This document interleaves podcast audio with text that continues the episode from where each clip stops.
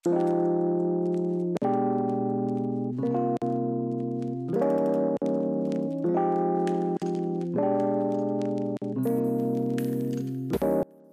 semuanya, selamat pagi, siang, sore, atau malam para pendengar setia Bilik Hukum, aka Sobat Bilik Hukum. Sudah satu bulan nih kira-kira kita nggak ketemu. Gimana kabar kalian? Semoga kalian semua sehat-sehat terus, walaupun kita lagi di tengah-tengah pandemi corona ini. Dan ingat, tetap harus patuhi protokol kesehatan. Oke, di sini gue nggak sendirian, gue ditemenin sama temen gue, Asa. Terus selain ada temen gue yang tadi, di sini juga ada bintang tamu, eh, bintang tamu ini nih punya peran yang penting lah di Himslow. Dia adalah Kak Devi Meliana selaku Ketua Himslow periode 2020. Halo Kak Devi. Halo, Halo, gimana Kak? Kabar Kak Devi? Baik nggak Kak? Sehat ya? luar biasa sehat. Mantap, sehat. Eh, terus habis itu, eh, Kak Devi kira-kira lagi pandemi gini, lagi sibuk apaan Kak? Pasti organisasi ya. Organisasi. Kegiatan-kegiatan kampus. Kita kita ubah nih harusnya offline jadi online. Kayak gitu. Oh. Sama oh tadi kan eh, Kak Devi kan bilang sibuk organisasi kampus. Nah, ini kan lagi pandemi gini nih. Organisasi kampus Himslow terutama selama pandemik nih masih jalan atau banyak kendalanya apa gimana sih Kak? Coba bisa diceritain nggak Kak? Kalau dibilang kendala pasti banyak ya. Banyak banget kendalanya yang kegiatannya diganti online semua kan sampai akhir tahun ini gitu. Yang Iya. seharusnya kita plannya itu udah ada plan sendiri lah untuk kegiatan-kegiatan Eh, gitu. Terus kita ubah lagi jadi online, sistemnya berubah semua. Jadi ya kalau kendala pasti banyak. Hmm, jadi kayak ngerombak ulang gitu ya kayak semua acara yang udah lumayan dipersiapkan nih rundown-rundownnya jadi dirombak ulang gara-gara online semua ya. Iya, parah Hmm. dirombak. Iya sih. Oh iya, nih eh, sebelum kita masuk ke pembicaraan kita yang lebih dalam lagi nih, di sini kita mau ngejelasin dulu nih apa sih maksud dari tujuan podcast ini. Nih nanti biar temen gue yang ngejelasin. Ayo Sa, coba Sa. Jelasin ya Maraden, sesuai dengan Oke, judulnya Benang Merah Hukum, podcast ini itu bertujuan untuk menyambungkan hukum dan masyarakat.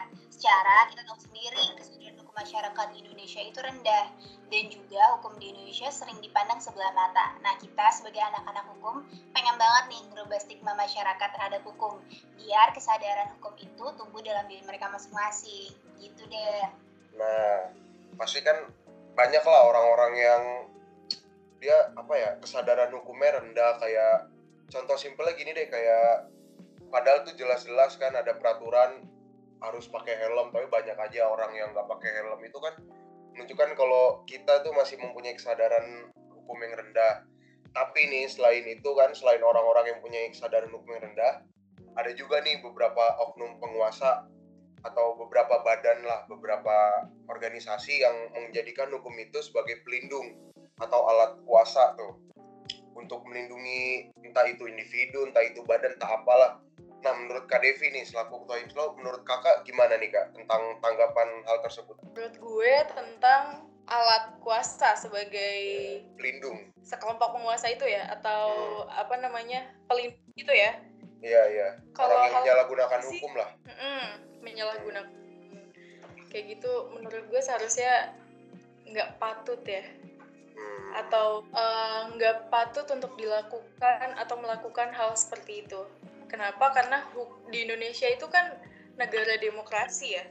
Terus negara-negara kita itu eh, patuh akan hukum gitu. Kalau hukum itu kan salah satu eh, alat untuk untuk mengatur ketertiban, keamanan, kesejahteraan dan lain hal Benar sebagainya. benar benar. kayak gitu aja. Kita uh, disalahgunakan untuk kepentingan salah seorang yang memiliki kedudukan penting gitu misalnya ya kan? Ah iya iya benar benar. hukum itu seharusnya tujuannya untuk mensejahterakan rakyat. Udah ada di undang-undang dasar ya kan? Kalau untuk kalau digunakan untuk hanya uh, Kepentingan satu pribadi. Iya. Iya, nah itu tujuan yang sudah di tercantum di Undang-Undang Dasar itu ya nggak apa ya namanya nggak terrealisasi atau nggak nyampe gitu loh dan itu uh, menurut gue udah salah kaprah banget dan nggak boleh sih seharusnya gitu tapi ya walaupun nggak mungkiri ya di Indonesia sendiri mungkin ada yang seperti itu Iya pasti ada lah. Di setiap negara sih menurut gua kayaknya ada sih. Sama terus kalau menurut Kak Devi nih, kita nih sebagai bisa dibilang kita generasi penerus bangsa lah. Ada nggak hal-hal yang bisa kita lakuin supaya kejadian itu tuh nanti ke depannya nggak nggak ada gitu, bisa hilang lah ya. Uh, menurut gue mungkin kalau di gue belajar ya di mana ada masyarakat di situ pasti ada hukum. Bahasa latinnya ubi societas ibius kalau nggak salah ya. Se sesimpel kita memaknai itu aja di mana ada masyarakat di situ ada hukum. Atau di situ ada aturan lah misalnya. Hmm. kita sebagai masyarakat atau sebagai mahasiswa itu seharusnya paham dulu nih. Aturan itu aturan itu uh, seharusnya kita eksekusi aturan itu di kehidupan bermasyarakat itu seperti apa. Jadi kita harus tahu dulu nih aturan aturannya itu seperti apa. Aturan itu tuh tujuannya untuk apa? Baru dilihat nih aturannya seperti apa, baru eksekusinya seperti apa gitu. Berarti intinya tuh kita kayak harus ngerti dulu lah ya maksud tujuan itu dibuat supaya nggak ada penyalahgunaan. Iya betul. Hmm, Kita kan di Indonesia oke. banyak banget nih aturan kayak Ya. sekarang ITE kita nggak boleh ngasih apa sih namanya kayak di sosial media kita nggak boleh sembarangan ngomong tapi Iya. tiba-tiba pasal apa gitu kan Eh, kita pastinya hal kecil se- hal sekecil itu aja kita udah diatur gitu loh tapi Iya. mungkin kesadaran kita akan negara hukum ini akan aturan-aturan yang ada ini itu kurang gitu Hmm, oke oke oke oke. Nah kak, ngomong-ngomong soal nih kak, kan ada nih, ada game yang sangat terkenal nih pastinya di kuping-kuping para mahasiswa hukum, yaitu Fiat Justitia Pakelum, atau yang bermakna keadilan harus ditegakkan walaupun langit runtuh. Nah, menurut kakak, ada game tersebut tuh udah cocok belum dengan keadaan hukum di Indonesia saat ini? Kalau dibilang cocok sih cocok ya. Eh, beberapa contoh kasus aja itu udah menerapkan hal seperti itu gitu. Eh, udah menerapkan ada gium itu. Hmm, Keadilan harus ditegakkan walaupun langit runtuh gitu kan. Iya. Mau gimana pun ya tetap kalau dia salah ya harus dihukum gitu loh. Sekecil apa pun kayak kayak yang tadi gue bilang UU ITE itu kan hal sekecil kita komen yang nggak enak atau gue ngomen tentang Raffi Ahmad jelek ini dan lain sebagainya itu kan bisa dituntut kan? Nah itu seharusnya memang seperti itu gitu loh karena kita udah uh, ada aturannya gitu. Jadi menurut gue cocok aja sih. Untuk pertanyaan berikutnya ada nih kak, aku pengen nanya, kan Kak Devi ini aktivis lah ya termasuk orang yang sangat berpengaruh di kan ini kan ketua gitu. Nah, menurut kakak seberapa penting sih kita sebagai mahasiswa untuk ngerti hukum? dibilang aktivis banget nggak aktivis ya gue cuma cuma apa sih namanya seorang ketua yang ngurusin organisasi gitu aja nggak enak banget kalau kesannya kan kalau aktivis aktivis turun ke jalan banget gitu kan Iya iya iya iya.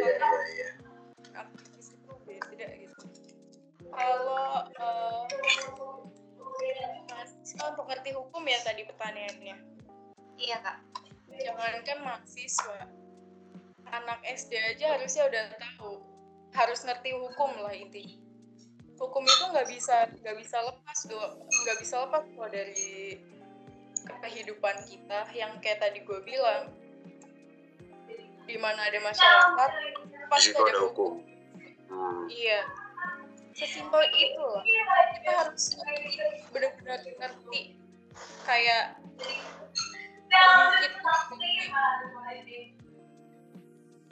dari undang-undang dasar gitu itu kan sebagai dasar kita kan semua Iya. aturan harus berpacu dari Undang-undang dasar. iya dari undang-undang dasar gitu loh Ada patokan Undang- patokannya. iya betul Ya ya. kan jadi undang-undang dasar itu dasar dari segala dasar hukum yang ada di Indonesia Hmm. dari apa sih namanya seharusnya tuh eh, mungkin dari dari SD ya dari SD, SMP, SMA, mahasiswa sampai yang sudah lulus sekolah pun memang seharusnya mengerti hukum sedemikian rupa gitu loh. Jadi bukan kan sekarang banyak nih yang menyalahgunakan hukum ya. Iya. Dikit-dikit tuntut, dikit-dikit tuntut. Dikit. Itu tuh iya kan? Eh, lapor apa-apa lapor. Banget gitu. Kan nyampe nyampein yang pengadilan gitu.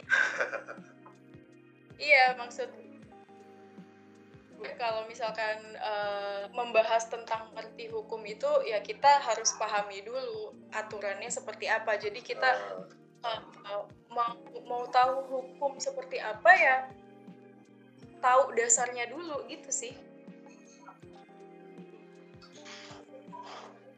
Malah kadang-kadang da- dari dari SD aja itu kita dari kelas 1 SD deh saya inget gue dulu SD kelas 1 kita udah disuruh hafal Pancasila iya kan? Mulai naik Iya. iya kan? Mulai naik kelas naik kelas mulai disuruh terapin di sekolah ada apa Pancasila. Itu kayak udah itu aja udah jadi contoh kalau kita tuh harus ngerti lah sebagai masyarakat harus ngerti hukum gitu kan. Benar. Iya. Kita kan tidak menutup kemungkinan nih untuk orang-orang yang mungkin dia ambil jurusan desain. Nah menurut dia tuh bukan bagian gue lah untuk ngerti hukum. Nah gimana sih cara menjaga pandangan orang yang seperti itu? Biar kayak jadi semua orang di Indonesia tuh paham kalau semua tuh harus kita nggak harus kuliah hukum atau belajar hukum untuk memahami hukum. iya Kita sebagai masyarakat Indonesia yang punya aturan setiap kita tindakan apa pun kita diatur gitu loh. Itu tuh eh, apa sih namanya? Kita harus harus paham lah walaupun kita nggak belajar hukum gitu. Karena kalau misalkan misal gue gue eh, belajar di DKV gue nggak ngerti hukum. Gue gue bikin gue bikin gambar tentang pornografi misalnya kalau kita ngerti hukum dia gue pasti kena dong iya. Itulah kayak gitu loh. Jadi kalau misalkan eh, ngerti hukum tuh nggak semuanya harus dimengerti. Tapi yang masuk sama porsinya kita gitu loh. Dan dasar-dasar yang ada di Indonesia itu juga kita harus paham. Itu sih menurut gue. Mungkin kayak eh, lu ngerti hukum tapi di bidang lu kayak misalkan tadi contohnya anak DKV DKV kan lebih ke seni ya lu harus ngerti tentang undang-undang eh, apa tuh namanya? Karya hak cipta. Iya kan? Itu kan kita harus ngerti tentang gitu-gitu. Kayak lu anak komunikasi lu harus ngerti UU ITE kan ya sebenarnya kita ya yang penting kita ngerti hukum di bidang kita gitu kan. Betul banget. Hmm. setuju. Iya. Eh, sama kita biasanya eh, luput nih dari hal- hal-hal kita kan sering pakai sosial media.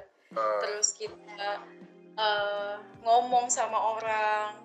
Apa sih eh, bisa dimasukin ke head speech juga dan lain hal sebagainya.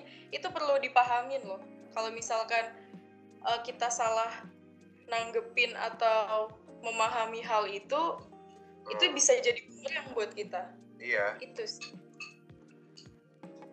Apalagi sosial media kan sekarang lagi udah pandemi gini sosial media makin naik makin marah naik. marah Iya, makin malah dikit. di ITM Heeh.